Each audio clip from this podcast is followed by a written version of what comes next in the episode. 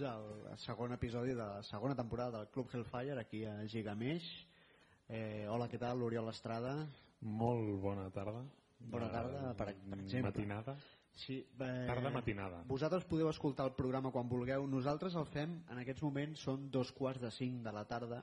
Acabem de dinar, fa una mica de mandra. Jo La tinc veritat. son, eh? Tenim son fent aquest programa, el fem en condicions infrahumanes, estem a la botiga Gigamés, envoltat de jocs de taula, de ninos i de coses, i no els podem agafar.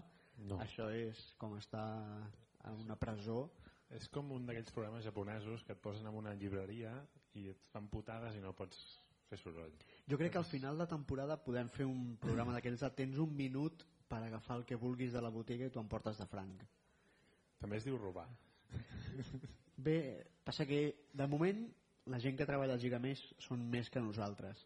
De Quan moment. portem prou convidats com per ser més, llavors ja ens ho podem plantejar seriosament. Bé, avui ens acompanya un convidat de luxe, ja habitual del programa, en Joan 13, que si li passes el micro podràs saludar. Hola, bon eh, dia, migdia, tarda, com era Bon això? dia, tarda, nit. Bon tu no veies el doctor Slum? Uh, sí, el veia, el veia. Doncs això és d'allà. Hòstia, jo sentia jo bon dia a la del pingüí i babau, babau. Babau, babau també, però bon dia, tarda, nit es feia servir força.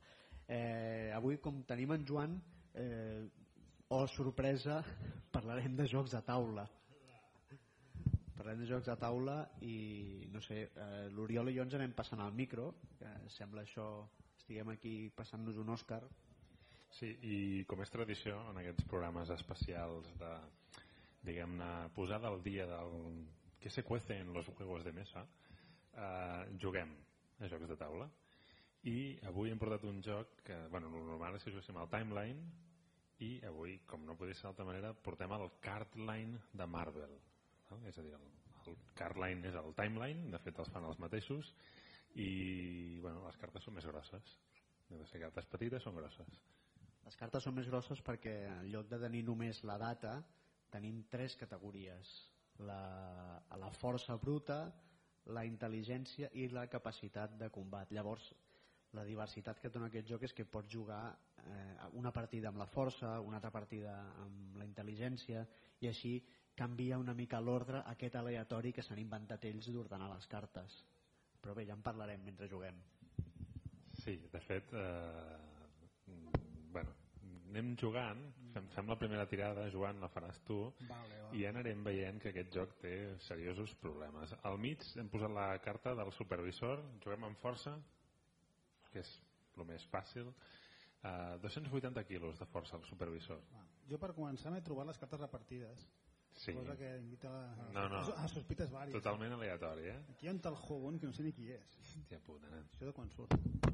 No, tu, tu vas ser al programa de Marvel contra Star Wars, oi? Sí. Eh, tu eres expert de... No, no, jo senzillament havia d'aprendre coses a Star Wars. Sí, no, sí, se posava que era Val, expert val. a Marvel, però... Ogun el Torbo és un dels tres guerrers que acompanyen a Thor per Asgard, si us plau. No, no, no. Bueno, si, com, si és company del Thor deu ser molt fort, per tant calculo que és més fort que el supervisor. Va, el col·loca a la dreta del supervisor, girem la carta i ens trobem 35 tones, cosa que jo poso en dubte d'entrada. També poso en dubte que el supervisor aixequi 280 quilos. Tampoc és tant, eh, 280 quilos. La, la idea és que seria la força d'un cop de puny, no? És la força d'un cop de puny? No sé, jo crec que és la força que aixeca, però el pes que pot aixecar. Perquè... Però bé, és igual, com que em toca a, a mi, jo tinc tres cartes, que són quatre cartes, el Lagarto, el Líder, Iron Patriot i el Quincallero, conegut eh, cinematogràficament per Iron Monger, que és, eh, no és l'armadura d'Iron Man a la que li costa caminar, és un dels dolents. Eh, triarem Iron Patriot i el col·locaré entre el supervisor i Ogun.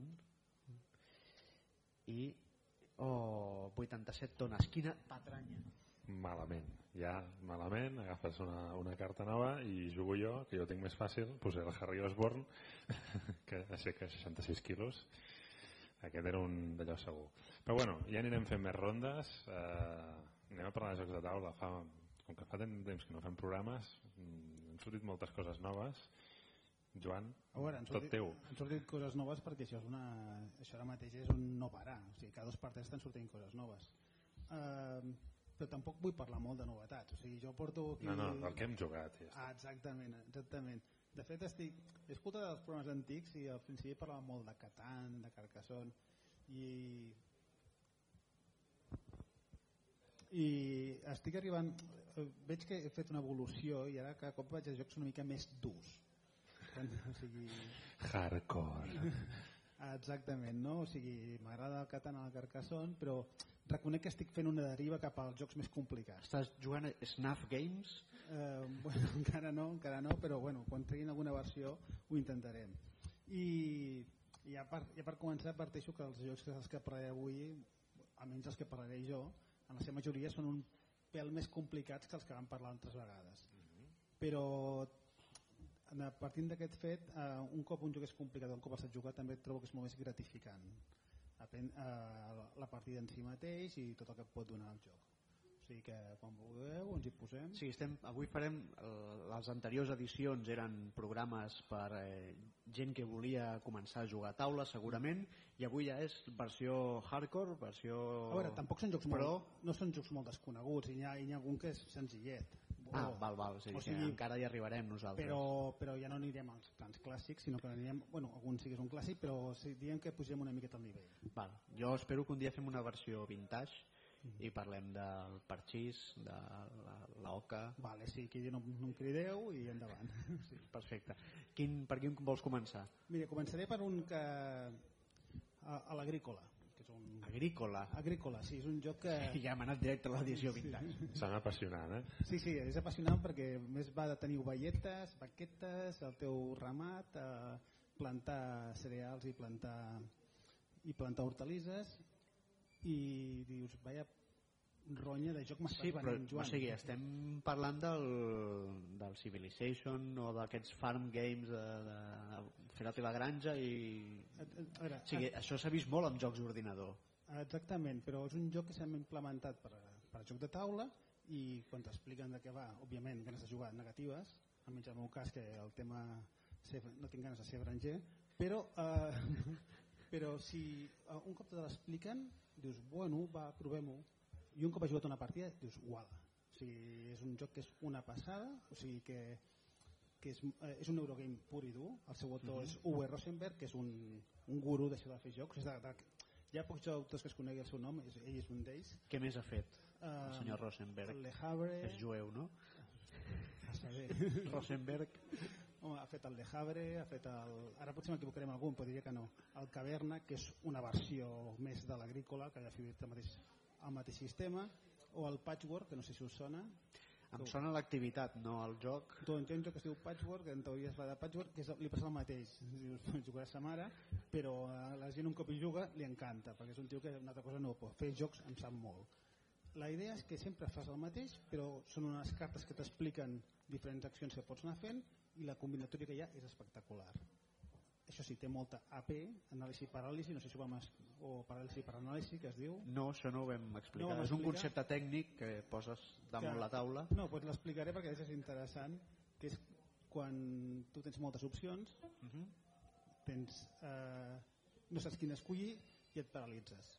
Això passa molt amb l'agrícola. O sigui, les opcions que tens són, tan ala- són tantes eh, que no saps quina escollir, totes aparentment poden ser bones o totes poden ser un desastre i, i, es bloqueges bastant.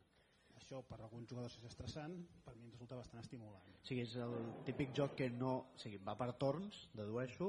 Sí. No és el joc que durant el torn dels altres tens prou temps com per planificar la partida i és d'aquells àgils. Tu tens unes accions disponibles, eh, són, són, són 14 o 15 torns, eh, i, quan, i quan et toca tu has d'escollir una de les accions. Què pot passar? Que el jugador abans hagi ocupat la teva acció, per tant tu que ja no la podràs fer. Pots tenir una planificació relativa, però pot canviar sobre la marxa. A part, les cartes aparentment eh, són sempre les mateixes però canvien l'ordre. Un torn pot ser que surti una i el següent, la següent partida en la que sortia primer sortirà la tercera. Això fa que eh, amb pocs elements el joc eh, tingui una varietat de- d'estils bastant interessant. Eh, I a part té un punt intuïtiu. O sigui, normalment els jocs a la maduresa mental ajuda. Sempre recordo que les dues primeres partides que vaig fer amb un nebot em va destrossar. Vaig haver d'entrenar-me literalment per aconseguir regirar la situació no? uh, i a part escala molt bé pots jugar tu sol Uh -huh. o sigui, té, té versió un jugador i Ah, tu. interessant. Aquí tots els Forever Alone, El apunteu, Forever- agrícola. A veure, pot ser per Forever Alone però en el meu cas va ser per entrenar-me per poder guanyar el meu nebot i, Forever cutre, eh? No, no, que també és Forever Alone, perdona, eh? bueno, sí, però a mi em va anar bé i també poden jugar fins a 5 persones. Això sí, el joc de, el temps previst de partida és mitja hora per persona. Si som 5 serem 2 hores i mitja se'ns farà un pèl llarg. I a part, clar, com que mentre els altres estan jugant tu no pots fer res, potser jo recomanaria per a dos o tres persones està molt bé. O sigui, a més és un joc molt reconegut molts premis i tal pesa bastant la capsa, molt xulo És molt gran la caixa? pues, veure, és bastant compacte, té molta, té molta fitxeta, té molta fitxeta. O sigui, a més fitxa de fusta. Preu, Ostres, pues no sé quan val, val 60 euros, em sembla? 60, Factor fitxeta 50? és... El factor fitxeta jo el considero molt important, eh? Avui en dia un joc... Fitxa, eh? No miniatures. Ja, ja, sí, sí, però sí. per això com més fitxeta més mandra em fa un joc. Ostres, pues en aquest no... No interessa, no? No, no, però sí...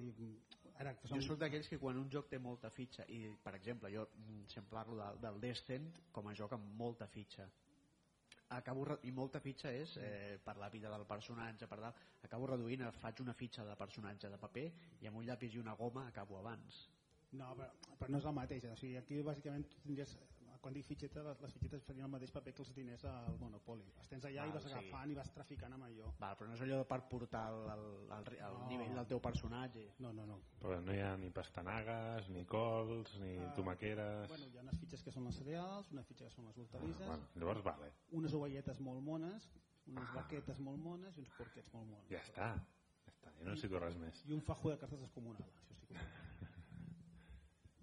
hi ha versió ordinador per jugar online que és el que fa tothom en aquests jocs Uh, en, en, al final- en, en, aquest no em consta, però au, so, Perdona, jo al Facebook, al principi de Facebook, jo jugava amb una granja, eh? no és la mateixa. Uh, en tot cas, tots aquests jocs tenen versions fetes per uh, sigui, extraoficial. Sempre, bus- si busques, algú ho trobaràs, segur. val, val.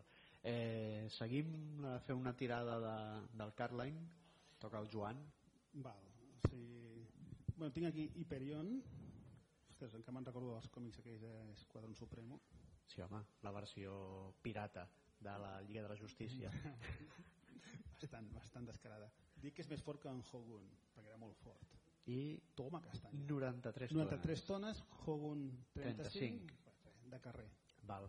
Eh, a mi em toca la Vispa i la col·locaré entre Harry Osborn i el supervisor 70 quilos per pèls eh, amb Harry Osborn que n'aixecava 66 eh, també discutiria això Home, és molt trist que la Vispa, sent una superheroïna, tingui 4 quilos més de força que el puto Harry Osborn. No? En fi, clar, jo ara posaria la Maria Hill i clar, tinc els meus dubtes. La Maria Hill jo la faig més forta que el Harry Osborn, però si la Vispa 70 quilos, no sé, posarem entre mig no, la Maria Hill és més forta que la Vispa. En fi, Et toca el to. perquè la Maria Hill és eh, directora de S.H.I.E.L.D. i la Vispa dissenya moda per tant ella està menys entrenada és el meu raonament absurd Però no era la jefa dels Vengadores, la Vispa. la presidenta Ah, vale. hi ha el president i després hi ha el, el cap, el cap d'estat en primera votació o segona votació va ser presidenta? En fi, Max Teng. Més jocs. A veure, més jocs. Vinga, parlem una miqueta... A veure, què voleu que parlem? Guerra Freda, Sherlock Holmes, què preferiu? va, parlant de Sherlock Holmes, perquè com que tenim jocs aquí, Sí. eh, perquè estem a Gigamés, recordeu-ho, i, i podem agafar jocs, els podem tocar, eh? és molt guai, Els podem desprecintar? però no els podem obrir. bueno, els podem obrir i després se'l pagues, no? Uh, tenim aquí Watson and Holmes, Diarios del 20, 221B, Doctor Jesús Torres Castro. Val. Aquest, bueno, eh, de, fe- de fet vull parlar de dos jocs, de, mm, del Sherlock Holmes, detective assessor, i de Watson and Holmes, diaris del 221B. jo tinc el detective assessor El detective assessor és un grandíssim joc eh, que bueno, sortirà ara ja s'ha reivindicat, però és un joc dels anys 80. Aquest és Viejuno Viejuno. Uh -huh. tu hi has jugat? sí, he jugat, Com t'ha anat? fatal Vale. aquesta, aquesta és la fatal però ja d'entrada perquè eh, no tinc capacitat de deducció i menys amb les pistes que em donen no vaig arribar al lloc Val. Uh, és un joc on és molt, molt habitual perdre. Uh, I a part, uh, Clar, és que no ets Sherlock Holmes. Clar, és com dir, eh, Leo Messi futbol game i has d'estar al nivell de Messi per guanyar. Doncs pues no ho faràs. No, a veure, però està clar... Bueno, expliquem una miqueta. Bàsicament et plantegen un cas i, i diuen Holmes la resol i ha resol, tu l'has de resoldre. Uh, si Holmes has de trigar quatre passos, per guanyar-los has de trigar quatre passos o menys. Uh, és impossible guanyar Holmes directament, o sigui, Holmes és un cabron. Bueno, és coherent, és un joc coherent. Uh, no, no, és, és totalment coherent i a més la, la gràcia és directament, vale, a Holmes no el guanyaré, però vull resoldre el cas i passar-m'ho bé jugant, cosa que de per si no és gens fàcil. O sigui, per nosaltres guanyar vol dir resoldre'l. O sigui, aspirar a Holmes és impossible. No? Hi ha, el qual, justament, jo més que una virtut, eh, més que un defecte, trobo que és una virtut. És una virtut de cara al que engrandeix el personatge i que eh, et permet eh, seguir jugant amb ganes de, de superar-te. O sigui, si de la tercera partida ja superes a Holmes, eh, perd la gràcia, i això ho puc entendre. És que, és que jo crec que bueno, algú hi haurà, però crec que el 95% de la població no superarà mai a Holmes. Clar. També és el consol. Sí, sí, sí, no ho he fet, però clar, és que és Sherlock Totalment. Holmes. Ah, en tot cas, bueno, eh, expliquem una mica com funciona el joc de detective assessor. Tens un plànol superxulo de Londres, no? Sí, Et surten un, uns diaris sí tens uns diaris que estan molt bé. que estan molt La xuls. única no pega, però sí, és que clar, el número de partides és limitat, Bueno, en teoria. clar, eh, avui parlem d'uns quants jocs amb partides limitades. El número de partides limitades tens tants casos com partides. Sembla que són 8 casos. 10 poden ser? Ostres, Ah, no ho sé. Bueno, és igual, o vuit o deu, sí. 8, 8 o 10 casos. I cada cas tens un diari del dia i, i els diaris anteriors es van acumulant, les pots consultar. Mhm. Llavors tu mirant les notícies dels diaris pots veure eh, notícies relacionades amb el cas que et poden, eh, i tu tens una guia on dius vull anar a visitar tal persona que ha estat al lloc i entre el mapa, la guia, els diaris vas fent la teva teoria del cas i com, com ja es pot deduir és un joc totalment cooperatiu. O sigui, poden Sí, sí. jugar d'un, pots jugar tu sol cosa que pot ser una mica trista com poden jugar 8 persones cosa que pot ser una mica caos. Sí, jo he jugat amb, era amb dos, i és, és un número que està bé perquè un pot anar consultant els diaris mentre l'altre consulta la guia, va visitant a la gent per tot Londres. Exactament, de fet jo crec que és un joc ideal per dos amb molt de temps, et poses la banda sonora de Sherlock Holmes i en bucle perquè Sí, sí. t'acabaràs la banda sonora abans que la partida si només jo tenia que eren 30 minuts i la partida pot ser... Bueno, com vau trigar vosaltres? no me'n recordo, jo crec que al final vam desistir de... vam arribar a unes conclusions que no eren les correctes Jo, si algun dia em vull desfer de l'Àlex, el portaré a un escape room, no? el deixaré allà i no podrà sortir. Bueno, i, uh, a més, si ja amb el primer ja has perdut, és el fàcil, o sigui que vas ja, ja ho sé, no, no per això però tinc molt clar que no és, no és el joc per mi Ah, bueno, pot passar. Eh? De, de fet, eh, en requereix una paciència important, important. però per contrari té aquest, aquest, uh, la sensació de tens de llibertat, de pensament abstracte, realment no estàs regit per regles. És un trio la, la teva aventura encobert, perquè pots anar aquí o pots anar allà, però tot el pensament que tens tu pel teu cantó o sigui, és totalment lliure i a mi com a joc de taula em sembla dels més similars que hi ha a jugar a rol sí, perquè realment eh, et pot flipar bastant amb totes les teories que hi ha. I alguns casos són realment xulos hi ha una, jo recordo un en concret que no diria res perquè és spoiler. No, digue-ho. No, no, no, no, això sí que seria exagerat. Però que dius que quan et dones compte que podria ser jo i mica en mica vas veient que hòstia, pues sí, té, això pot ser la- l'emoció que tens és autèntica és, és, a mi em va semblar molt, molt, molt temàtic. O sigui, un gran joc i un joc recuperat des de, de, de fa 30 anys, des del 81 o sigui que i amb aquesta línia i totalment diferent hi ha el Watson and Holmes Diarios del 221B que és aquest senyor, el doctor Jesús Torres Castro. Que Doctor Jesús Torres Castro és l'autor? És l'autor, aquest es va, es va fixar en un joc de l'any 75 uh -huh. anglès, que es deia Los diarios de 221B o alguna així i li va interessar molt, era un joc així de resoldre casos. Va veure l'au- l'autor i l'autor era un tal Jay Moriarty que dius, bueno, clar és un pseudònim, òbviament, no? i es va dirigir a l'editorial Sí, seguro? pues no, no era un pseudònim el tio que havia fet el joc es deia Moriarty o sigui, que té collons i no era anglès sinó que era americà de fet va, va contactar amb ell i tal i va posar el dia al joc i va, va fet, ha fet una revisió que és aquest One and Holmes que en joc de ser 8 són 13 casos uh -huh. que em sembla molt bé com a número i, i en lloc de ser cooperatiu és competitiu És Watson contra Holmes. A veure, uh, soc, ell es va comprar el joc perquè hi havia 13 casos. A mi me van Ho regalar. sabem, ho sabem. Per això te'l van regalar. No, me van regalar perquè estaven deprimits perquè no resolíem els casos de, de Sherlock Holmes. Ah. Tu ets Watson en el joc. Doncs eh, la, la, aquest, el plantejament és diferent. Tu tens sí. unes cartes... Tens, tens menys opcions potser que amb el- amb l'anterior, uh -huh. però tu poses unes cartes damunt del, del tauler que seran les teves diferents jocs on visitar i en- entre els diferents jugadors que el normal és a partir de 3 posa 2, però 2 no jugueu De 2 a 7, diu No, no, aquí a la jo- caixa.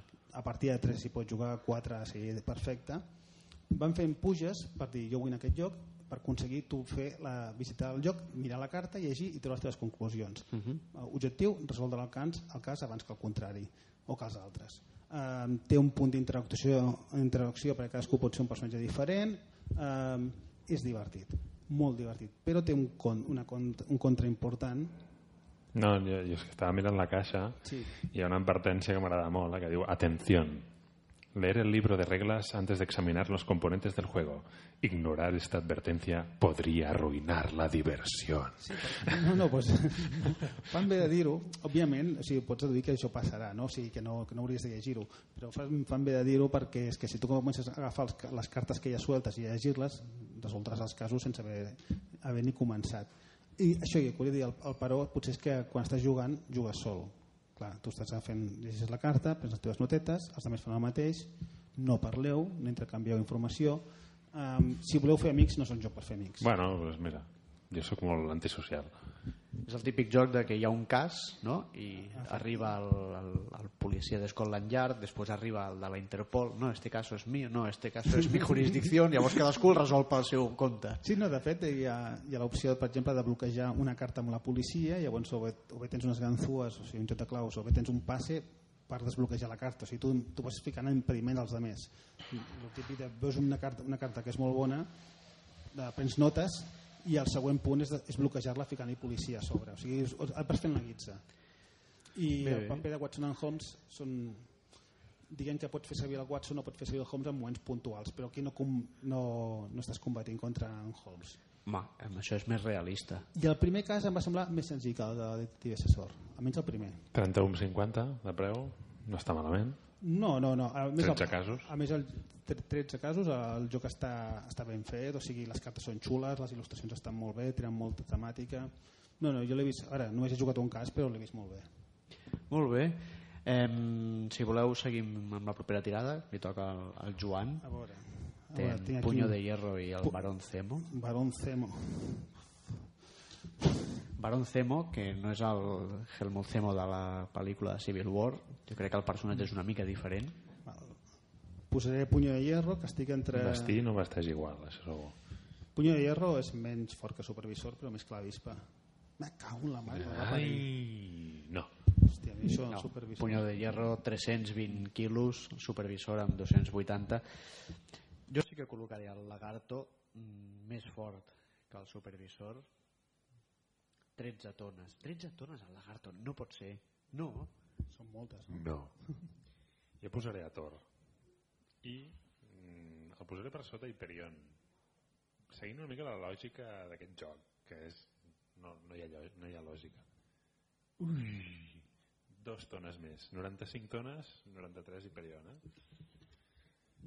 No ve de dues tones. És a dir, si ets capaç d'aixecar 95 tones, ja no te'n ve de dues. Pel que veig, Àlex, aquest joc et provoca molta frustració.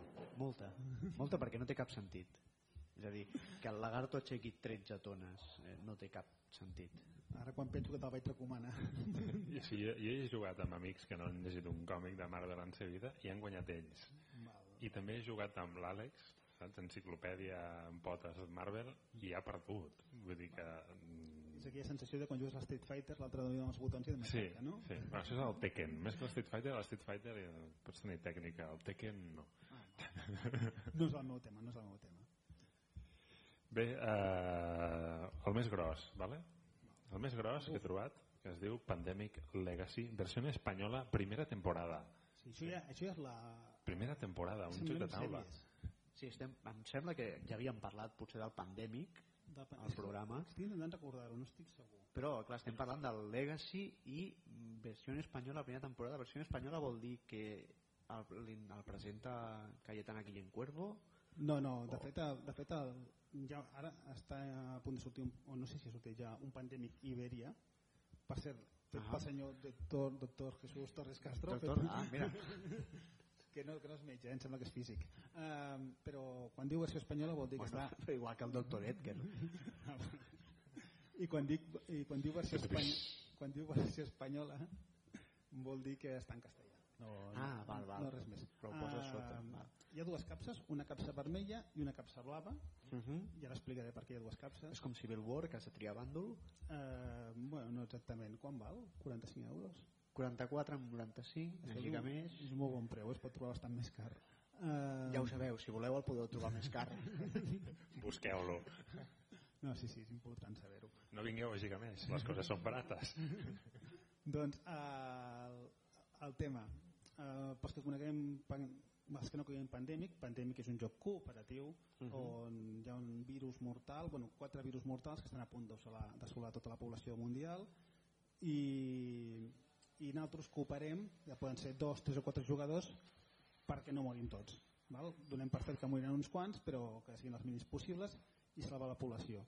D'això se'n van fer diverses expansions, van anar creixent, van anar creixent, un joc amb molt d'èxit, i llavors algú de córrer el concepte Legacy, uh -huh. que no és nou de Pandemic, em sembla el primer que es va fer va ser amb Risk, Risk Legacy, que bàsicament el que, el que fa el concepte Legacy és dir, tens un joc de taula, però el joc de taula anirà canviant. Uh -huh. O sigui, tu comences amb una... Evoluciona. Evoluciona i evoluciona molt. Uh, quan tu obres la capsa, el primer que veus són 8 capses tancades, o sigui, són 8, sí, i, i una barreja de cartes també tancada. I no pots obrir-les. Tens que esperar a moments adequats de la partida per obrir-los. Què fa? Que tu comences amb una partida aparentment de pandèmic, però van passant certes coses que et diuen, vale, para, agafa la, la, la caixa 1, treu tot el que hi hagi dins i a partir d'ara les regles són aquestes. Van canviant les regles, van introduint elements i el que comença sent d'una manera acaba sent d'una altra. És una campanya, són, ser una partida, són 12 partides diferents, Uh -huh. eh, pots fallar un cop per, per partida, o sigui, ja, ja o sigui, pots fracassar. Sí, pots eh, ex- ex- exterminar la raça humana un cop per... Si, si tu perds un cop, tornes a jugar la mateixa campanya i si tornes a perdre, avances, però que quedi que ataca... Penalitza. Ens, bueno, que hagués atacat el teu historial pel final saber quants punts has fet i tal. Uh, I a part que pot donar dificultats no superar segons quins, quins reptes. Uh, és molt interessant el concepte aquest de que la partida vagi canviant. Hi ha gent que ho critica perquè dius, clar, o sigui, uh, m'estàs dient que és un joc limitat amb els seus usos? Aparentment sí. Després explicarem Sí, és no. que això mm, a mi em sonava que n'havíem parlat, no sé si en el programa o, o fora, de que eh, és possible que digui "A- aquestes cartes ja no serveixen, estripa-les, tot diu, això, et, clar, diu, et diu que estripis cartes, et dius eh, els les, pots, les pots guardar, no? Sí, sí, jo les, sense jo- estripar-les. Jo les vaig guardar. jo les vaig guardar, però realment no sé si em Estamos locos o què? Uh, però és un, un momentet, et diu, quan et diu que estripis una carta realment no farà, no farà falta mai més fer-la servir, la guardes perquè et sap greu. Però llavors tornaràs a poder, o sigui, pots tornar a començar. No, perquè el mateix, el mateix, a mesura que el joc va evolucionant vas enganxant enganxines al tauler. És a dir, és eh, per comprar-lo i dir anem a fer aquesta campanya amb aquesta gent Per i això- no el jugarem més. Per això hi ha dues capses, la vermella i la blava, per si jugues dues partides no confondre't, perquè una pot anar per, pots tenir uns elements oberts i amb l'altra altres. Saca quartos. És, és, és un sacaquartos, però té, pot tenir un petit avantatge respecte a altres sacaquartos. És un sacaquartos amb molta qualitat, és molt divertit. Clar, al final és com, eh, sí, tenim el concepte d'un joc de taula que te'l compres i pots jugar tant com vulguis perquè te l'has comprat, però després ens n'anem a fer qualsevol activitat que amb un grup doncs, si et pots deixar els 50 euros que val aquest joc, fas activitat i no les repeteixes més. Eh, seria aquest concepte. Clar, a part tenim el fet que com a mínim són 12 partides, com a màxim seran 24. Jo veu cal- calculo que en 12 partides un joc està bastant amortitzat. Mm -hmm. Um, quan acabes no tens un joc inútil, tens un joc molt especial, que és el teu joc i pots jugar-hi. O sigui, de fet una, una, queda un tauler una mica raro, uns personatges una mica estranys, els personatges poden agafar defectes, poden, poden morir, et, et, però tu jo podeu jugar igualment si vols.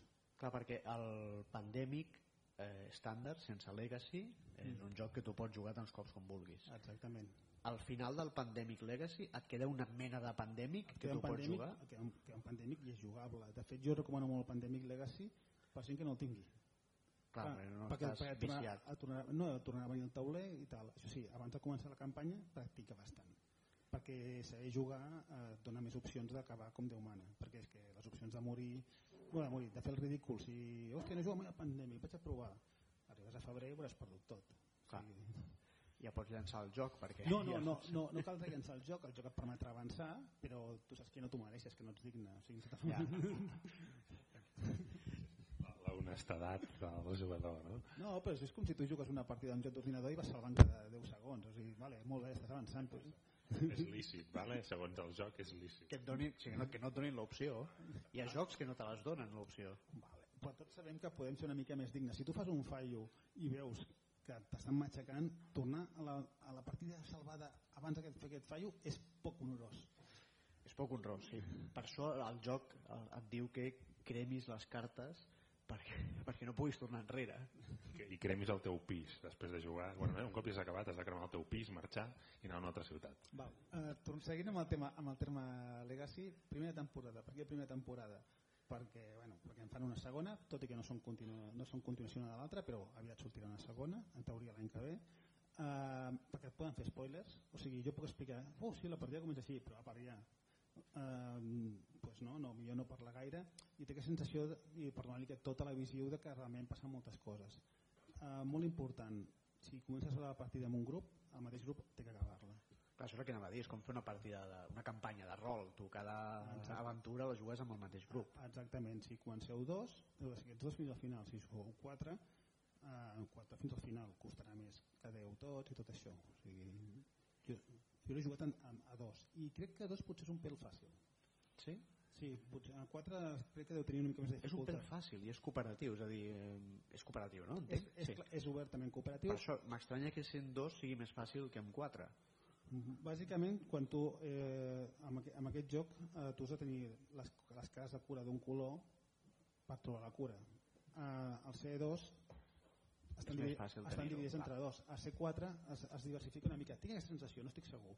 Ah, I ara està ensenyant-nos aquí l'Oriol la novetat, no? això és d'aquest mes, em sembla, Uh, com que Pandemic ho està patant tant pues, tenim ja les expansions el Pandemic xulo, el Pandemic Iberia que dèiem abans ara sortirà el Pandemic Season 2 i aviat, pues, no sé Pandemic Minions Pandemic... Home, Pandeminions... espero un Pandemic Barça no? Amb Mati... Home, està molt, estaria molt bé, eh? no, no, és Ha que... entrat un virus al, al, a la infermeria del Barça, Gastroenteritis, diarrea, I tenint, en, cagarrines.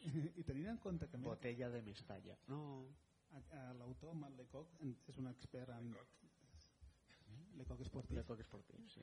és un expert en jocs cooperatius i de fet va fer el Desierto Prohibido em sembla em sembla també seu, no estic segur però Desierto Prohibido té una mecànica que es repeteix eh, que és anterior a, perdó, Isla Prohibida va fer una mecànica cooperativa.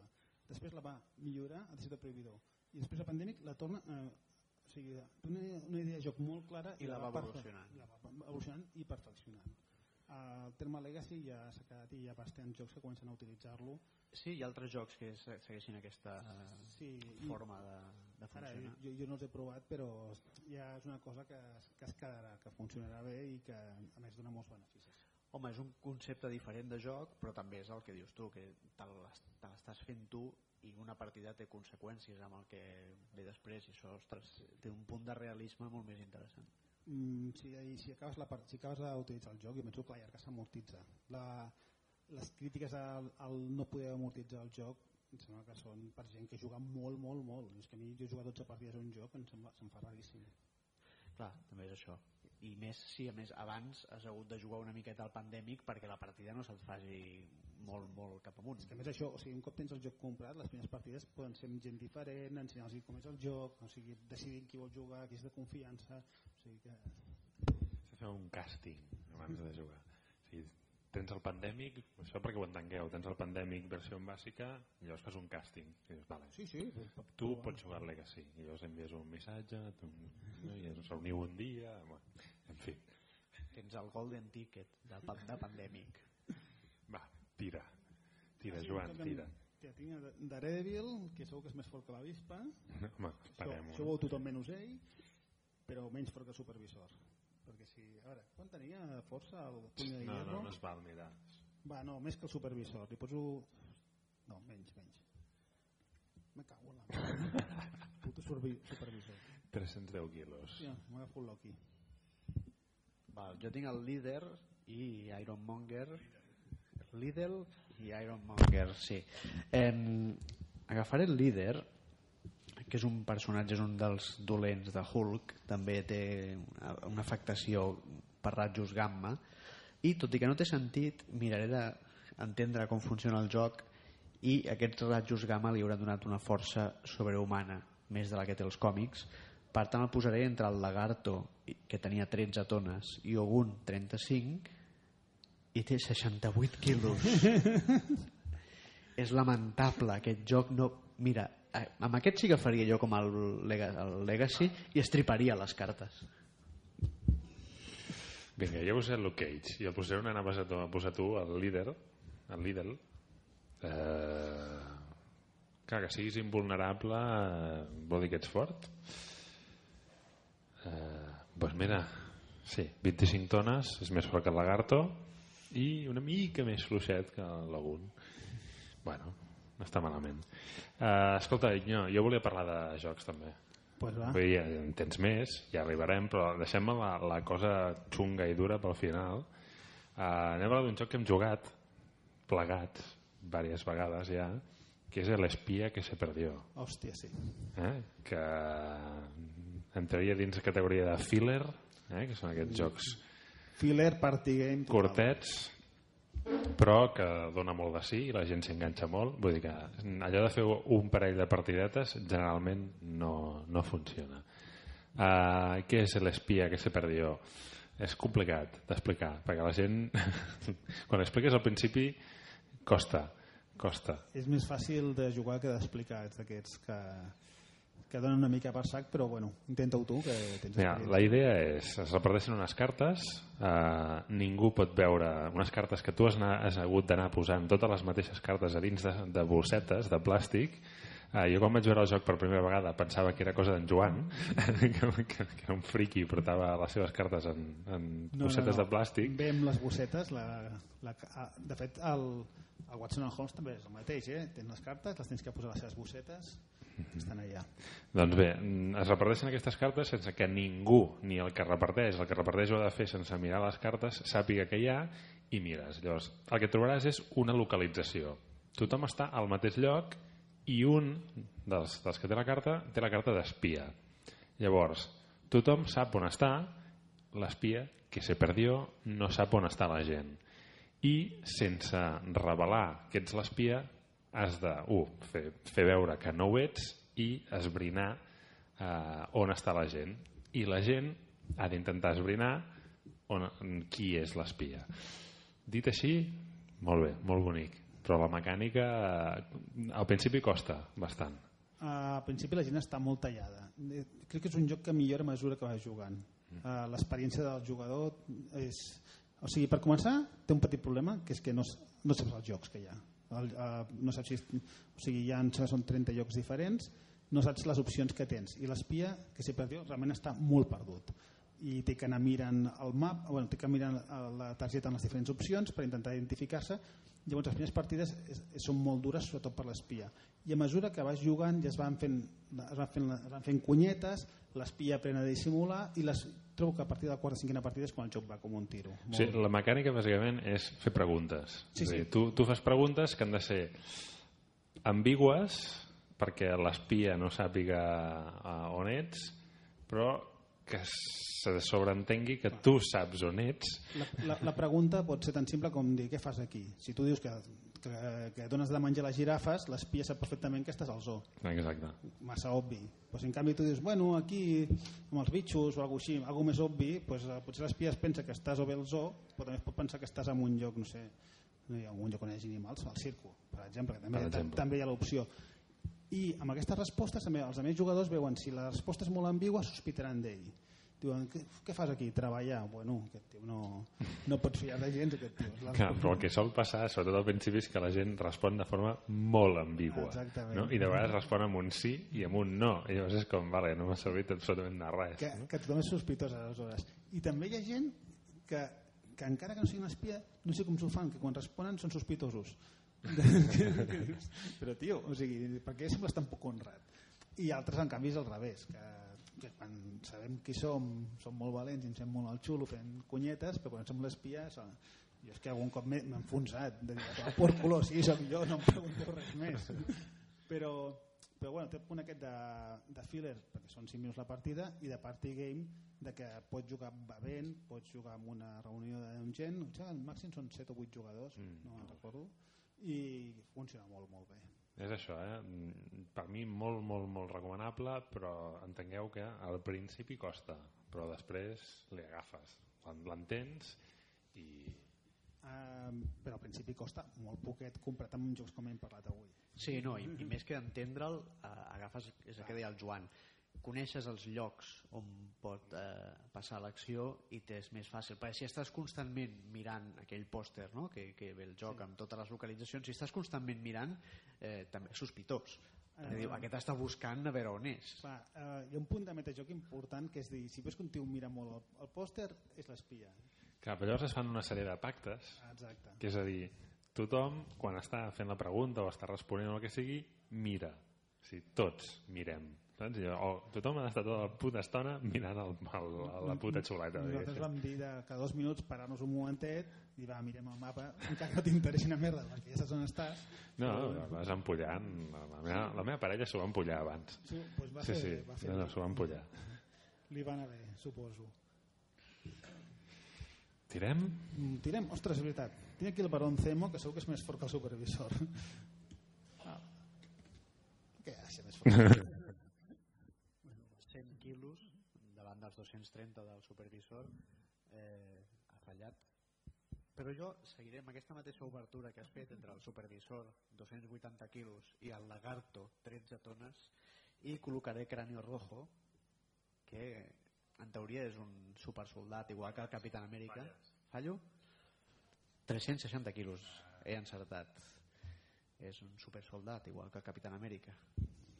Doncs a veure si seguint aquesta lògica jo tinc Soldado d'Invierno mm, estaríem una mica a les mateixes tessitures i el posaré entre el puto supervisor de merda i Cráneo Rojo i mira una tona i mitja és que té un braç biònic, no sé si has caigut.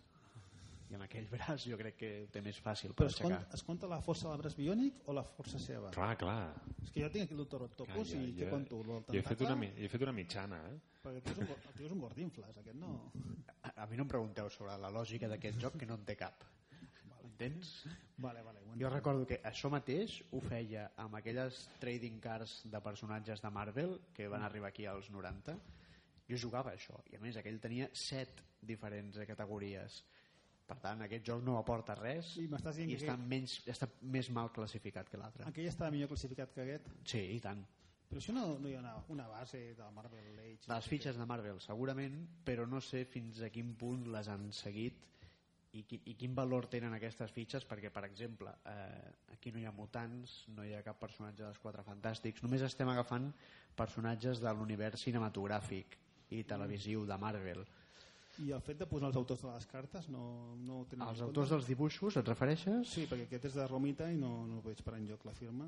No, no hi, ha, no hi ha cap acreditació, però bé, suposo que al treballar a Marvel i firmar el contracte ja has venut l'ànima a Stan Lee i poden fer el que vulguin amb els seus dibuixos. M'alegro, m'alegro. tu la firmaries Àlex, ho sabem Ja ho he fet, però ell no ho sap encara.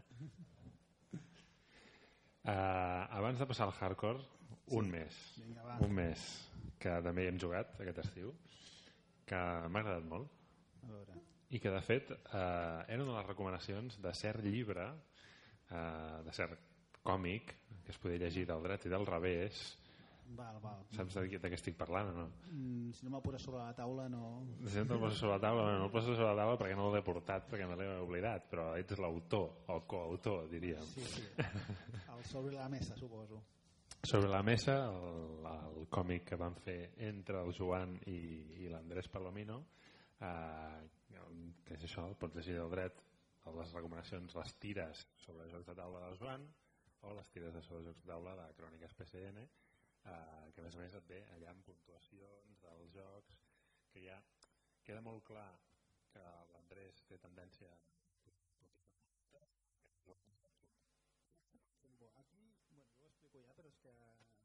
un tema que la Hoi Consort ha fet molt de mal. és veritat que si un joc... Si un Posava 95 clar, de tot. Si un joc té un 73 era una puta merda. O sigui, jo si tenia un 7 a la classe estava molt content.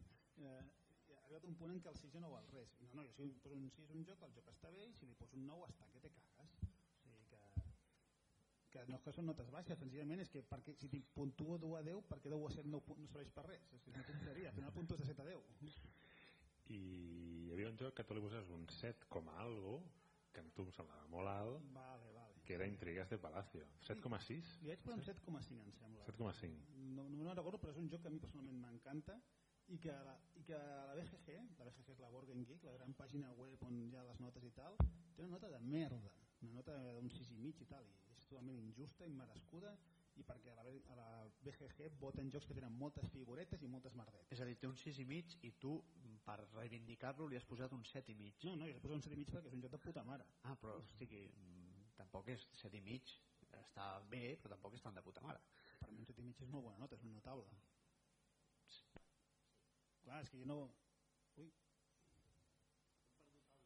Censura.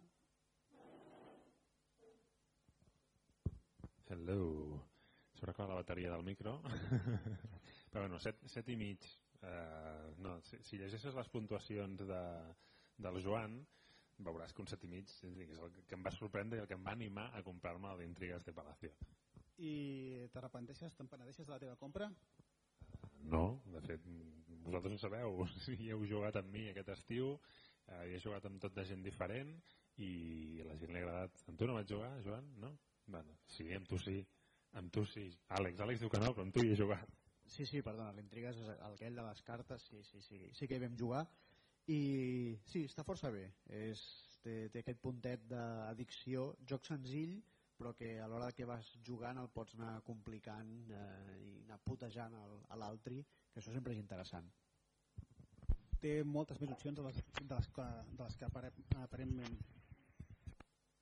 de les que aparentment hauríem de, hauria de sembla i, i el punt aquest de potència és molt interessant. M'agradaria comentar una cosa, jo aquest joc el vaig conèixer en la versió alemanya per les Gefluster, uh, aquest joc a Alemanya val, valia 5 euros. 5 euros perquè és una baralleta de no res i tal. Um, no sé, suposo que aquí a Espanya els, els sous deuen estar desbocats. Els treballadors cobren molt més que un treballador de Baviera. quan, quan val aquí? que val 12 euros o així no? i el contingut és el mateix. Uh, a la versió espanyola entenc que el mercat, ameri- el mercat alemany té tirades molt grans però ostres, aquesta diferència de preu sempre m'ha escamat una mica La caixa és una mica més gran, la no, d'aquí. sí, la carta és més gran però tots sabem perquè les cartes són a vegades més grans Mhm. per, ju- perquè ficar un joc d'una baralleta i posar-li són 5 preus costa molt llavors Mhm. va, fer una capsuleta una miqueta més gran visualment, a veure que no és una mala edició eh, perquè tinc entès està ben editat i tal però mm, curiosament el preu s'ha duplicat a la versió castellana. Expliquem una mica de què va, tot i que explicar la mecànica també és una d'aquelles que sembla molt complicat al principi i després la gent al cap de dos torns ja gairebé ho ha pillat. però, però fa molta mandra explicar a més quan l'explica gent la, la primera partida se'n fa dura. És, a veure, és un joc de baixar, de, de, t'has de descartar cartes, bàsicament, amb un, en, diguéssim, un context així en personatges medievals i en funció de la carta que treus doncs passen unes coses o passen unes altres pots putejar la gent o et pots putejar tu mateix exactament bàsicament. La idea és que no pots tirar mai dues vegades la mateixa carta aquesta és la idea i si et veus obligat a fer-ho, perds Um, amb el joc, o sigui, l'objectiu és quedar-te sense cartes, però moltes vegades no pots quedar-te tu sense cartes i l'alternativa és, és aconseguir que, que algú es bloquegi. O sigui, pots guanyar de dues maneres. Un, de totes les cartes a sobre, o bé senzillament no tirant. Que és una, que, és una, un, que fa que la forma de, de tu aconseguir els punts pugui ser d'una forma o de l'altra, el qual li dona un canvi, un gir bastant interessant a les partides. mm O -hmm. sigui que, he fet una visita ràpida aquí a, a Gigamés a veure si el trobava he trobat un que és Juego de Tronos Intriga en Poniente que he deduït que podia ser una versió hasta que, sigui, hasta que només sigui pel nom però crec que aquest joc un cop treus la carta de Tyrion Lannister ja s'ha d'acabar eh, se mueren todos saps? No, no, no sé si és una adaptació del joc um, a l'univers de Canción de Hielo y Fuego que és un nom que sembla que la gent ha oblidat però és el nom de la saga. Podria ser, podria ser és que, bueno, és el nom de la saga però fa servir el nom de la sèrie i fa servir fotos dels personatges de la sèrie. Sí, perquè és el que ven. Eh, és el, és el que tira. Ostres, pues, podria ser una adaptació que no sé si coneixeu, coneixeu el joc que es diu Love Letter Ah, sí, em sona. Corren versions de Love Letter per Hoed, però no és per internet. Només has d'imprimir-te-les i... O sigui que una adaptació d'Intriga de Palacio de Tronos em sembla bastant Home, sí, és un joc que si escau. És fàcil de fer. A part és un joc que, que té fàcil el print and play. És d'imprimir 30 i pico cartes i pelante. Molt bé. Tirem i anem al, ah, sí, al hardcore. Val, tinc el, el, el, el, el, tinc el dubte aquest. Contra els tentacles o contra el tio? com que les tentacles no en tinc ni idees... I de quina versió del Doctor Octopus estem parlant? De la versió Doctor Mayor Gordo o... Bueno, sí, no? Fa pinta. Està, fanegas. està, està fanegas. El Doctor Octopus se ha comido unas medusas. Posaré que és més plus que Harry Osborn. Més plus que Osborn, crec que t'arrisques molt. 12 tones, 12 quasi. tones comptaven els braços. comptaven. Jo provaré ara el Quincallero, Ironmonger, i el col·locaré entre Luke Cage 25 tones i Ogun 35 53 tones. He fallat estrepitosament. Eh, si heu vist Iron Man la primera és el dolent Iron Monger, ni de conya. Aixeca 53 tones. Bé, jo vaig amb l'Hombre Cosa. Eh, la Cosa Hombre Man-Thing que és el millor nom per un personatge de, de còmic de la història He-Man. He-Man és un altre nom a reivindicar. En fi, Man-Thing, jo diria, bueno, el posaré, no sé per què, eh? no he llegit mai res eh, de Man-Thing, més fluixet que el Lagarto, però més fort que el Cráneo Rojo, mira, perquè són verds. I, toma ja, una tona. Eh? L'hombre cosa aixeca una tona. Uh, anem al hardcore o què? Va, anem al hardcore. Va, fot-li. Bueno, de fet, tu hem fet un hardcore, però bueno. Uh, Toilet Struggle. Toilet Struggle 8,4, eh? Una punt... Bueno, 8,4 de puntuació a la BGG. De fet, ha sigut, tradicionalment és el, és el BGG. Board Game Geek. Tradicionalment és el joc eh, número 1 del rànquing de la Board Game Geek, però ara ha sigut superat recentment per Pandemic Legacy, o sigui que oh. la que hem parlat abans. Wow. Uh, no tothom està d'acord amb mi, perquè abans he parlat amb el Zeta i m'ha dit que no està molt d'acord amb mi, però jo trobo que és una meravella de joc. Uh, per dos jugadors exclusivament. Uh, tracta de la Guerra Freda. Tan senzill com això. Tu agafes un bloc que pot ser el soviètic o el bloc americà.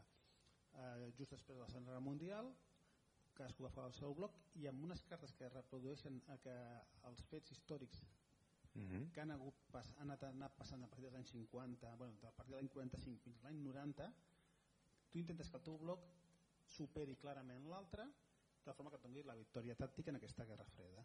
Uh, com ho fas? Fas cops d'estat. Cops d'estat, mous influències, jugues cartes de, de supremacia a, a, per anar a la, a la cursa espacial, tot és molt, molt, molt temàtic.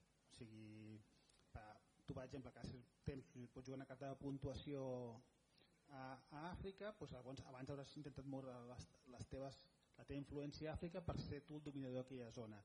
I les cartes dels fets històrics són eh, fets històrics reals. O sigui tu en algun moment pues, com pots si ets americà pues, t'interessa que hi hagi l'OTAN si...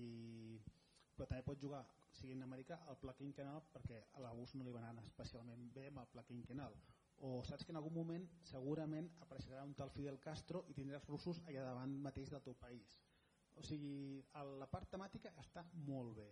Uh, el joc evoluciona de tal manera que al principi si ets rus ho tens millor però a mesura que vagi avançant la partida a partir dels anys 80 amb Reagan i tot això si ets rus ho tindràs pitjor.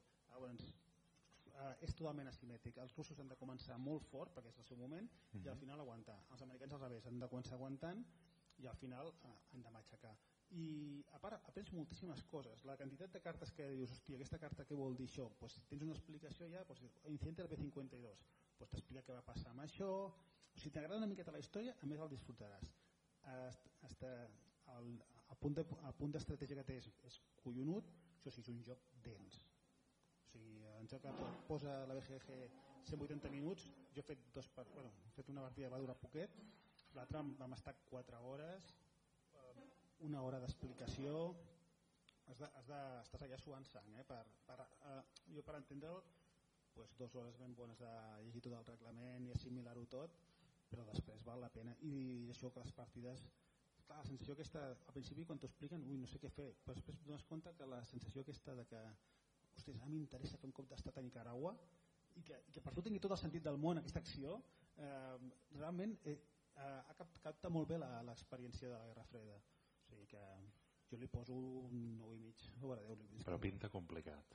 és un, és un joc complicat perquè no tothom té 4 hores per jugar-hi a part, al ser un contra un és a cara de perro eh, no, no és allò un Pandemic Legacy el pots jugar a dos i jugo, si que us portareu bé i que intentareu celebrar-ho si guanyeu a tot Estraguel l'objectiu és destruir a l'altre no Mm. tothom està preparat per estar 4 hores volent destruir una altra persona. Eh, en aquest sentit és un, té un punt de friquisme. Jo vaig provar una parella i per sorpresa meva va funcionar. O sigui, realment a ella li va agradar i tal. Però li feia molt de respecte tot això que us estic explicant ara. O Clar, o que- sigui, és, és com a catarsi o com a teràpia de parella també pot funcionar. mm, no recomanaria per tothom no? si, si, si, la, si el teu rival és una persona que Oi, no, no m'agrada molt jugar a jocs no vull prendre regles complicades feu un altre és un joc complicat. A part de 4 hores que has d'invertir, has d'estar 4 hores eh, fixant-te bé amb el joc, no és allò que puguis despistar-te. No, has, has, has de, has de, has de d'un- ficar els teus sentits amb, amb, el, en el que és el joc i Tu, tu vas ser als Estats Units o vas ser jo, Rússia? jo vaig jugar amb, contra Andrés Palomino vaig jugar com a, amb la URSS i amb la parella vaig jugar com a Estats Units o sigui que he jugat amb els dos aquesta és l'altra, comences amb unes cartes que són les guerra inicial després a mitja partida s'introdueixen les de guerra media i al final s'introdueixen les de guerra tardia que es van introduint, o sigui que el Reagan no et pot sortir al primer torn Uh -huh. i el Fidel Castro acostuma a sortir bastant aviat no? i la crisi dels mitjans de Cuba surt bastant al principi o sigui que tot a més va tenir un Dius, realment la història no és així no, però podria haver estat així la, la, el discurs, la història que es va creant és que és una xulada, està superbé o sigui que Molt bé. Eh, ah, i, el, i el tauler sí. desplegat és impressionant, no? és que et allò com dient unes ganes d'apretar el botó vermell o sigui que I petar-ho tot. no, perquè a més és que hi ha l'opció, si, hi ha, si, el, si, hi ha, si fas cops d'estat on no toca, si mous segons quines tecles on no toca, pot haver pots baixar a, a nivell de guerra nuclear i la partida s'acaba automàticament, qui provoca guerra nuclear per la partida. O sigui que, Mhm. Doncs anem a provocar la guerra nuclear i tira, tens a Loki i el mandarín. Tinc en Loki, que provarem amb el Loki, que a part de respondre correus, jo penso que és més fort que en Hogun i menys que Hyperion. És a dir, entre 35 i 93. La mare que el va 30. parir. Està per sota d'Ogun. Sigui, està, Loki és menys fort que una cosa que no sabia. I ara és mal I has agafat Malekith, que és un altre dels eh, arxienemics de Thor. Això és molt putxi, no? Bueno, no és, no és el bitxo, eh? és el- és el- l'elf que va sobre d'aquesta mena de tigre blanc amb ales. És que em recordava les cartes Pokémon que tenen els meus nebots. Ja podria ser ja. Bé, jo tinc el buitre i m'arriscaré i el col·locaré entre l'hombre cosa que aixeca una tona i el lagarto amb 13 perquè crec que les ales aquestes biòniques que li han posat deu fer alguna cosa i no evidentment no té sentit Home, algú fa, un avi que aixeca 390 quilos no està malament. ja, però també vola amb unes ales biòniques coi. I jo tinc Hèrcules, si posem que serà per sota Hyperion, que per ara és el que té més força, i si la clavo he guanyat, eh? I no. he perdut. Hèrcules és més fort. Bueno, en aquest sentit, per aquí dalt estaríem d'acord o no? Però Hyperion suposava que era un tio que ho petava saco. però té, em sembla que té igual que Superman depèn una mica del sol no? si, si està núvol doncs està més fluix en canvi Hèrcules és Hèrcules aquí no, no hi ha més eh, mm, fem una altra tirada a veure si acabem ja la partida Vinga, va. La puta. Mm, A veure, Joan. mandarín... Mandarín... Mandarín pot ser... És com el de la pel·lícula d'Iron Man o... Mm, No, no té pinta, eh? Posarem que és més fort que l'avispa i menys que supervisor. Toma! Molt bé. Ben encertat. Jo tinc Madame Màscara, que és una de les enemigues de- d'Iron Man, però la vam poder veure a la sèrie de l'agent Carter, a la segona temporada, i la col·locaré entre l'avispa, que aixeca 70 quilos, i el mandarín, que aixeca 230, i 150. L'he clavada. 105. 105, perdó. I si ara l'Oriol no l'encerta, hauré guanyat jo. Exactament. Justin Hammer, puto iaio aquest, el posarem l'últim. Hem empatat. Bueno, està bé. Està No, bé. no està bé, perquè ho empatat vosaltres dos i jo no, empatat. no, no tu, he fet res. tu, que se suposava que eres un gran expert en Marvel, has perdut. Uh, quina desgràcia. Bueno, hi ha un timeline de Star Wars, eh, si voleu. Sí, eh? aquell està bé, eh? Bueno, m'han dit que són les tres pel·lícules, o sigui que és una mica fàcil. fàcil. hi ha escenes, sobretot entre l'episodi 4 i el retorno, hi ha escenes molt semblants.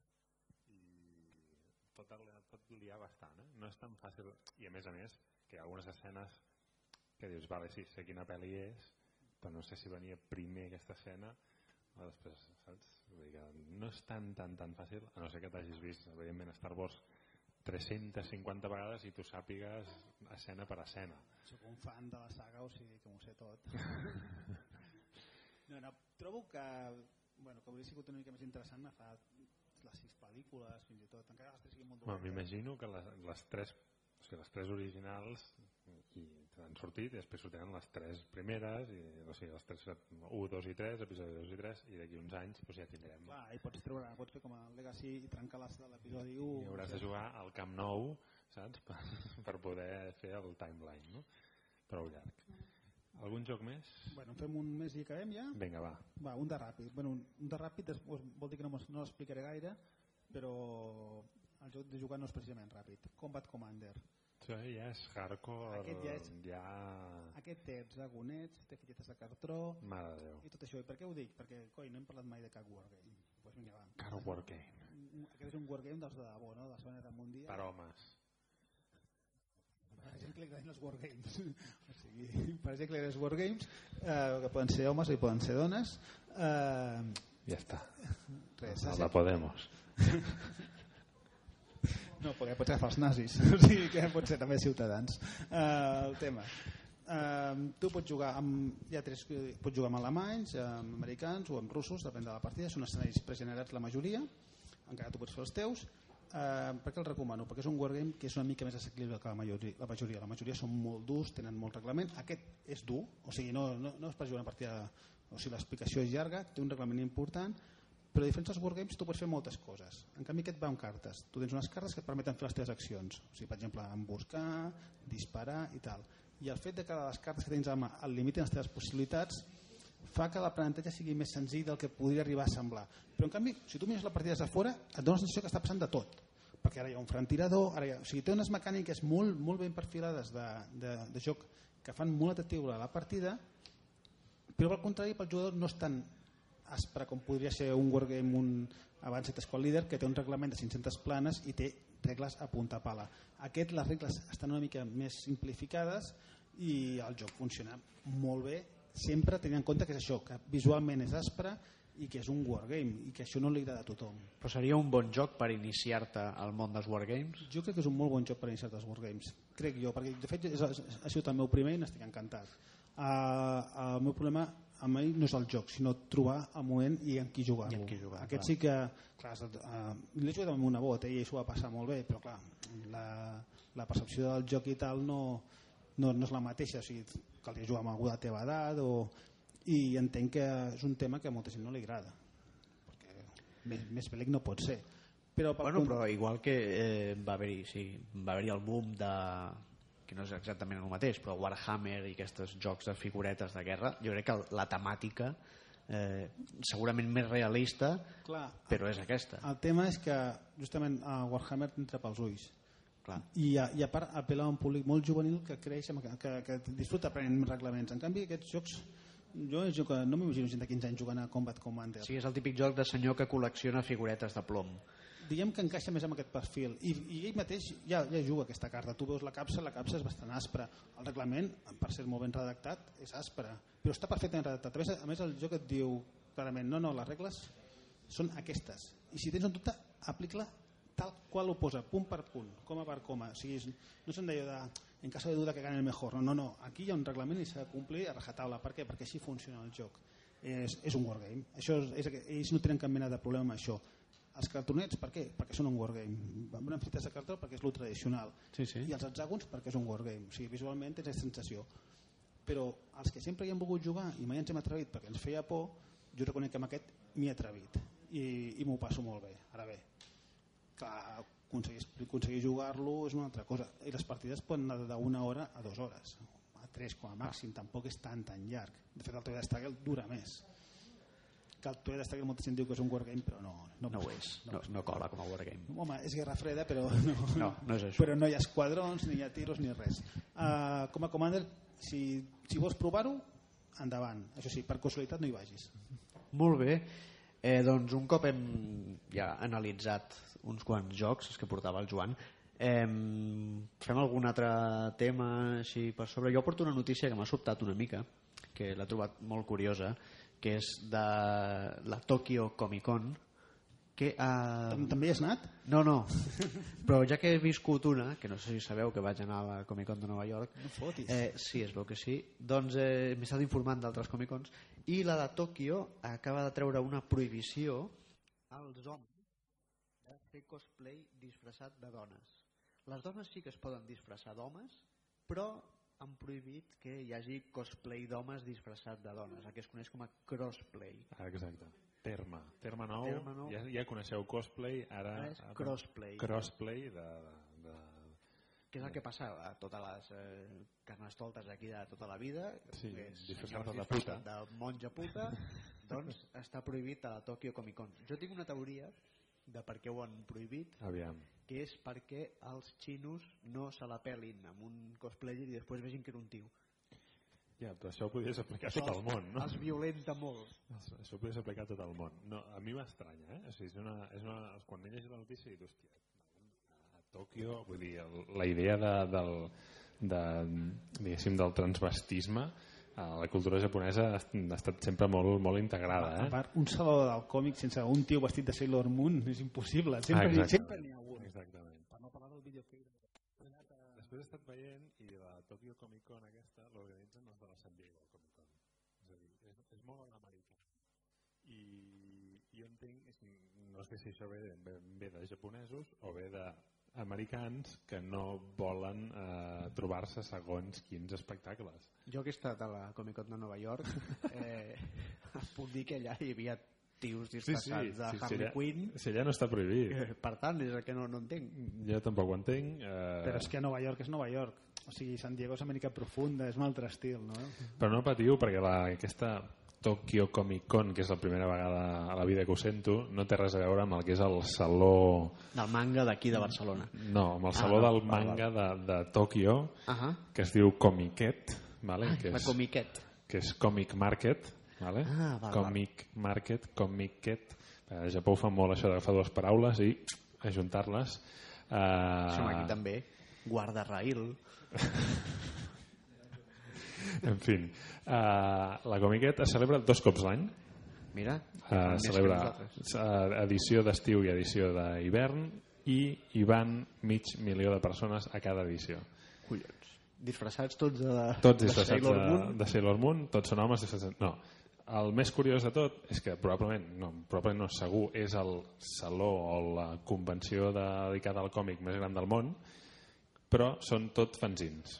Eh? Es diu, són tot dojinshis, que es diuen, que són els, les obres autopublicades de, del Japó. O sigui, bàsicament és un lloc enorme amb taules i gent venent el seu fanzin, i ja està. I són tan pesats com els fanzineros d'aquí o... No, jo no m'imagino que siguin tan passats perquè són japonesos. No crec que et vagin perseguint allò eh, de la mateixa manera que els fanzineros és, d'aquí. és una nau industrial en silenci un silenci absolut, sepulcral i tu vas passejant, passejant per allà i vas demanar informació als fanzins i ells te la donen amb veu molt baixeta Probablement. sigui, se t'apropen, et donen la targeta amb tot respecte, baixen el cap... No, no, t'has d'apropar tu. Ostres. Tu la taula. La gent està a la seva taula o a la seva mitja taula amb els seus eh, mangas i te'ls ven. I no hi va cap editorial allà, eh? No hi ha ni una editorial allà. Ah, tot ple fanzineros, No, no, només, s'apropa. però el curiós és que bona part d'aquests fanzins són paròdies eh, guarres de personatges famosos. Però, mm, tot i que els japonesos generalment en la pirateria eh, s'hi fiquen molt, aquí no diuen res. Per què? Perquè van a pescar nous talents allà i molta gent, molts dibuixants famosos han sortit d'allà. Em sembla que la Rumiko Takahashi, la de Ranma, sortia d'aquí. Però mouen molt de caler allà fent aquestes fires o és bàsicament això, A junta? veure, jo, tothom no es forra, però sí que hi ha gent que, veu, que ven milers i milers d'exemplars i hi ha alguns autors, que són autors que publiquen diguéssim, en grans editorials, que segueixen fent els seus dojinshis per poder fer, diguéssim, sense tenir els continguts tan controlats. No? Però tot això era una excusa per parlar del Saló del Manga, Del Saló del Manga, que s'estrena eh, dissabte, aquest dijous, dissabte. Avui és dijous, demà Per passat, nosaltres. per nosaltres, per vosaltres, doncs, eh, el dia 29 d'octubre, això mateix. Els I- que l'escolteu avui, demà, dissabte, encara hi podeu anar. que ara hi podeu anar. I Oriol, explica'ns, què trobarem al Saló del Manga? Al Saló del Manga trobareu a 70.000 metres quadrats, que són 10.000 metres quadrats més que l'any passat. Uh, trobareu entrades esgotades des de fa setmanes, Clar, per això dissabte i diumenge, no podem trobar entrades, però hi podeu anar dilluns i dimarts. O sigui que potser esteu escoltant eh, aquest programa i encara podeu trobar entrades per dilluns i dimarts. i el fet de que sigui de dissabte a dimarts i no de dijous a diumenge com s'ha fet sempre és per algun motiu? Perquè el, sempre es fa coincidir amb el dia 1, que aquest any és dimarts. I llavors es pot fer, de fet hi ha pont, hi ha molta gent Ah, que farà val, pont el dilluns Perfecte. i així s'enganxa. Les, les dates gairebé sempre és acabar el dia 1. Gairebé sempre. Però el més interessant serà segurament dissabte i diumenge, no? Dissabte i diumenge, sí. Pels que no tingueu entrada, que sapigueu que dissabte i diumenge són els dies més interessants. No, no perquè la major part de les meves xerrades es fan dilluns i dimarts. Ah, val, val, que fas xerrades. Faig xerrades, sí. I de Parlaré, què? què? parlaré de literatura i manga. alguna cosa? Parlaré, no, mira, parlaré de literatura i manga, que és el tema central d'aquest any. Parlaré de kaijus, monstres japonesos. Faré una xerrada sobre els nobels del manga, que heu de venir vosaltres dos. Sobre els què? Els nobels del manga. Home, si Són els donat a Bob Dylan... 25 mangas que tothom s'hauria de... o podria llegir i que estan tots publicats aquí. Eh? Això, això de que ens hagi dit que hi hem d'anar nosaltres em sembla a mi que és una indirecta. És una indirecta molt directa. Uh, I sí, també el dimarts a les 10 del matí, Per exemple, presentació i projecció de Son Goku Mania al Big Bang del manga.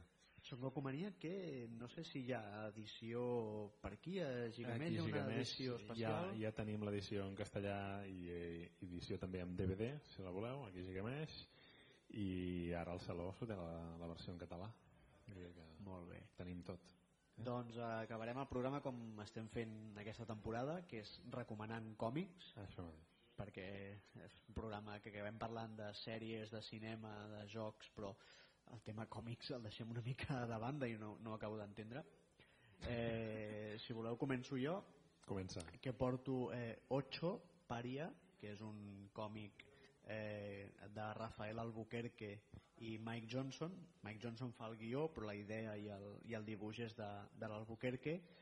I és un còmic que, si no m'equivoco, va publicar Image, pot ser?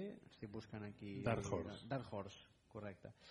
Eh, tenim aquí el, bé, el, primer tomo amb, amb els cinc números. És un còmic de viatges en el temps. Eh, si heu llegit literatura de viatges en el temps, còmics, i tal, tampoc us acabarà de sorprendre, però a mi el que m'agrada és la forma en que està explicat, que és molt visual.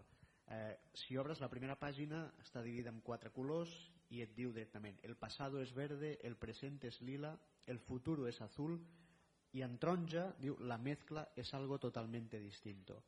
Llavors, el dibuix del Buquerque és blanc i negre i un color. I aquest color és doncs, el blau, o el taronja, o el verd, o el lila, i t'especifica en quin moment temporal es troba aquesta vinyeta. És que és com un wargame. no? Sembla molt difícil al, a l'hora de, de llegir-lo d'entrada, però de seguida, i clar, si segueixes la història de seguida localitzes quan està viatjant endavant i quan està viatjant endarrere, i trobo que és una forma molt original d'explicar-ho. A més, el dibuix de l'Albuquerque um, té, una, té una tinta que a mi m'encanta i a l'hora de colorejar han fet servir aquests pinzells eh, que ara comprem tots a Photoshop que, que tenen textures i, i que estan molt currats i la veritat és que eh, visualment a mi m'encanta ja et dic, no és una història de viatges en el temps que t'acabi sorprenent però bé, hi ha nazis pel mig que sempre és interessant eh, i és, és força curiosa, ja dic, sobretot per com està explicada narrativament i visualment. És una col·lecció? Ah, o... Però els nazis surten quan surt el color taronja? Ho dic per... Vull dir, quan surt el color taronja és quan surten els nazis. No? També anem fent aquí les brometes, eh? Estem associant eh? temes aquí, eh? Que no sé. Bé, eh, és, de moment aquí aquest eh, tomo recopila de l'1 al 5, la història tanca una mica aquest arc però queda oberta no sé, he de mirar si eh, Dark Horse ha seguit publicant la sèrie Val. però el Buquerque està ficat en bastants projectes per tant no sé si, si l'han publicada i si serà una publicació molt eh, ràpida Joan, tens un, has tret un còmic? No ho tenia res preparat però a més és, és una espècie de, de indirecte aquí els dos sí, des sí. del programa Va, i el personal del programa. Per això el portava avui. Eh, val, bàsicament es, es, es, que es passa eh, el que porto és Spider-Woman el tomo aquest que ha sortit ara recentment, és del mes passat em sembla amb dibuix de Rodríguez no? de Javier Rodríguez. És el de l'Spider-Woman emprenyada. Exactament, s'oreia amb un bombo bastant espectacular. Amb unes portades molt molt boniques. O sigui a veure si en trobo alguna en concret però és que n'hi ha una que a mi tranquil, no ho veuen. No, doncs, bueno, doncs són portades molt boniques. Mireu la seva feina perquè és, perquè és una xulada el que ha fotut. I és un còmic eh, al contrari del seu aspecte molt lleuger és molt bé i bàsicament va d'això que tens Spider-Woman superprenyada el que li passa abans de tenir un fill.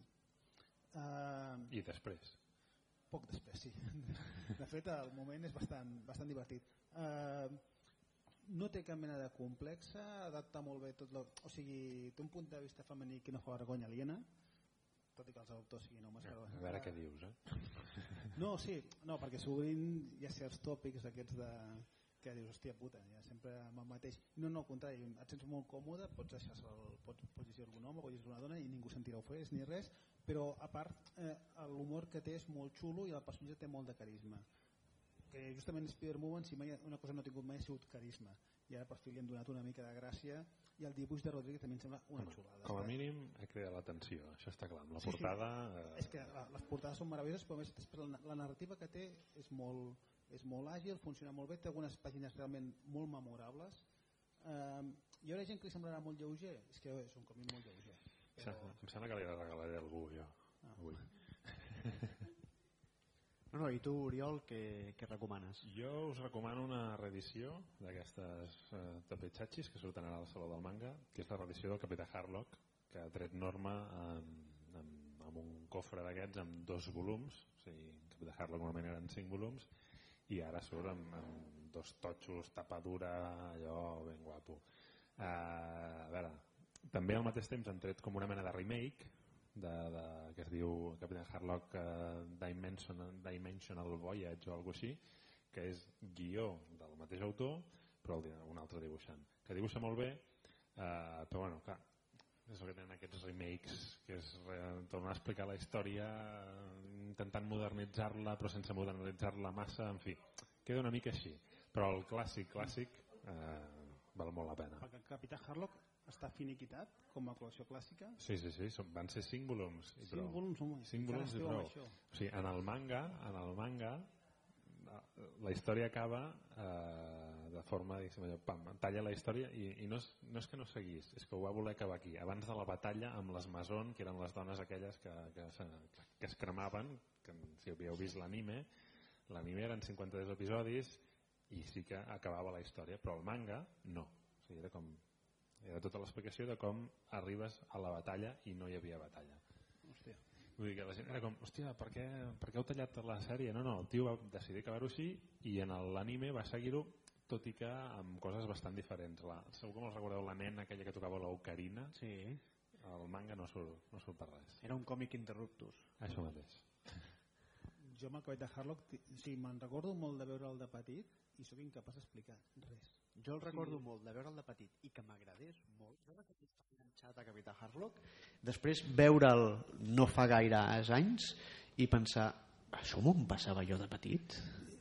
És, és, és, és molt dens. No, no, és que és molt dens, és molt, té el punt aquell super melancòlic, perquè és, és algo molt, molt de És l'anime. molt emo. Però, sí, però és una d'aquelles coses que, emo. que, que crec que per això ens va cridar l'atenció en el seu moment, que era, eren uns dibuixos animats diferents, no? que eren, tenien un punt Sí, sí, mira. de drama que no tenien les sèries, què sé, que no tenia He-Man. No, però Per exemple, mira, no? eh, un dia, mira, que per, fer el programa, no, no He-Man exactament, sinó Paul Dini.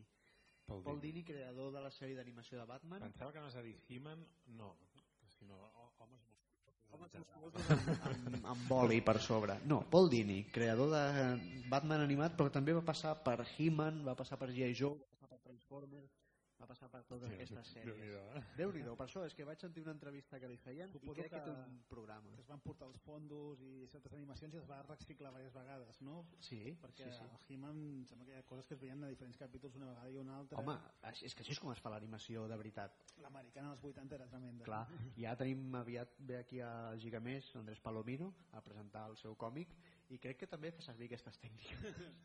Bueno, però fer-ho servir en còmic és molt més cutre que amb animació. No, no, un abraçada a l'Andrés des d'aquí. En fi. Bé, doncs... Però hem de seguir perquè si no ens menjarem Pinyol Sí, estan a punt d'arribar. I, i el Palomino, eh? O sigui... Bueno, doncs, eh, Joan, moltes gràcies per haver-nos acompanyat de nou a parlar de, de jocs de taula, que ha estat molt interessant, molt instructiu. Ens hem deixat a l'Imperio Cobra. Ens hem deixat en busca de l'Imperio Cobra, que el tenim una aquí sobre merda, la taula. és una merda, punto. De Cefa Toys. Tot, tothom dirà que el bo era el 2. L'Imperio Cobra 2. En fi, no, jo el tenia amb una mena de ma- ma- mashup de, de jocs, tenia quatre jocs junts, tenia aquest, mm, sincerament, eh, no, no he entès mai, a part del tema del... Sí, de, de l'artwork, no he entès Sí. sí. mai el culte. Era un mashup que hi havia l'Imperio Cobra, l'Escaleras i Toboganes... A veure, l'èxit d'Imperio Cobra bàsicament és això, l'art decidida d'on és i la falta de competència de l'època. I la cobra, la cobra molava. Sí, no, no, sí, que era, o sigui, jo me'n recordo desmuntar el tauler i era meravellós. Sí, era molt maco, El però- El joc és un trunyaco El joc és la oca. infumable, però bueno, també que estem parlant del tema, és un trunyaco infumable que s'ha reeditat. Sí, sí, I no, per no. què? Perquè hi ha un grup, bueno. un grup de nostàlgics que ho estava demanant a crits i que deuen estar penedint de la seva petició. Segurament. Yo también fui a EGB, yo también jugué a l'Imperio l'Imperio Cobra. Molt bé, doncs eh, ho deixem aquí. Eh, seguiu-nos a les xarxes per avisar, us avisarem quan tornem a atacar aquesta nova edició Sí, no, del no Hellfire de Guerrilla Ara no us penseu perquè hem fet dos dijous seguits, que sempre serà els dijous. no, perquè hora, eh? ja hem parlat amb la gent de Gigamés i el proper dijous el tenen ocupat Però per ja tant eh, buscarem una altra època un altre dia, una altra hora i atacarem Ala. adeu